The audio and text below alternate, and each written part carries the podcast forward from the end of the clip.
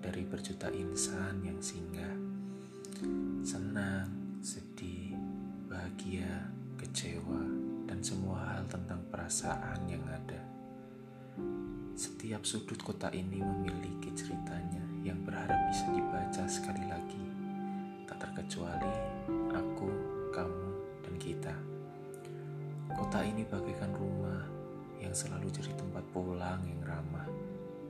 Tak ada yang berubah dari kota ini yang selalu memaksa kita rindu dan ingin kembali.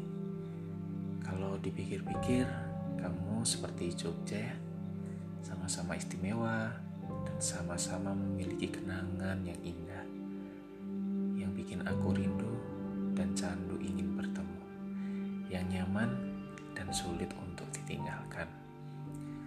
Hampir setiap jalan yang ada di Jogja terdapat kita dalam ceritanya.